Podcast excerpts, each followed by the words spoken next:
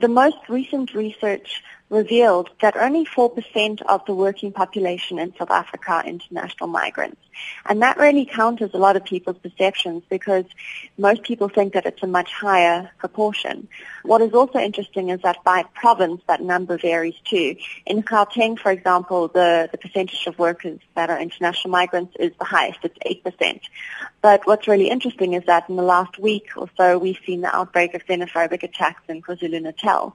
And KZN is actually one of the provinces which has the lowest percentage of workers which are international migrants. Only 1% of the working population, that's people aged 15 to 64, are classified as international or cross-border migrants. Wilkinson sê verder die studie het bevind dat Suid-Afrikaners wel buitelanders in diens sal neem eerder as Suid-Afrikaners. And that is unusual. In most countries around the world, international migrants are they're usually marginalized communities and they usually struggle to find work. And in South Africa, this trend isn't the same. But that isn't to say that being an international migrant in South Africa means you're on the road to success and wealth um, and prosperity. Um, international migrants are also more likely to find themselves in positions of precarious unemployment compared to local South Africans. And what that means is that they're often working in positions which where there's no contract, or there is a contract but it doesn't meet the minimum legal benefits, which it should. It's positions where there's no continuity or stability, and they often have to do the jobs which local South Africans don't want to do. Wilkinson waarsku verder dat leiers in Suid-Afrika 'n groot rol te speel het om die wanopvattinge oor buitelanders wat hier werk uit die weg te ruim. A lot of the perceptions um, about international migrants and, you know, how they work and are employed in South Africa are based on myths and on misconceptions and about people who may be xenophobic, which, who may harbor an anger or hatred towards strangers because they wrongly believe that, you know, they, they are able to prosper and do better in the country and are able to get jobs which they can't.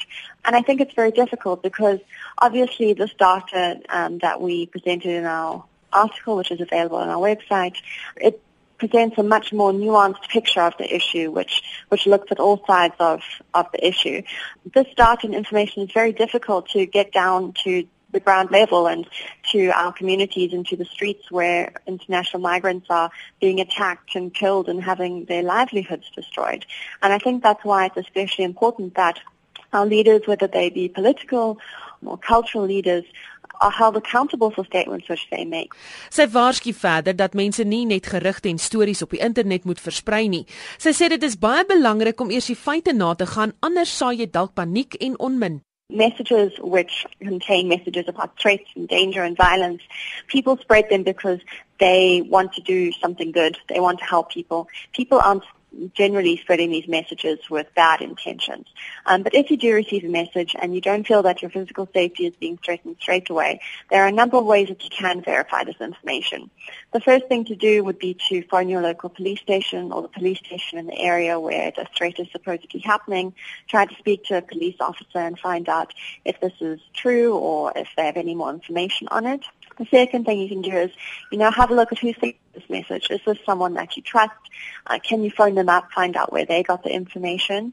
Other things you can look for are, you know, are the, the names of the streets where maybe the violence is happening? Are they spelled correctly? Does it have information um, that you think is correct about the area or the people involved or, or contact numbers?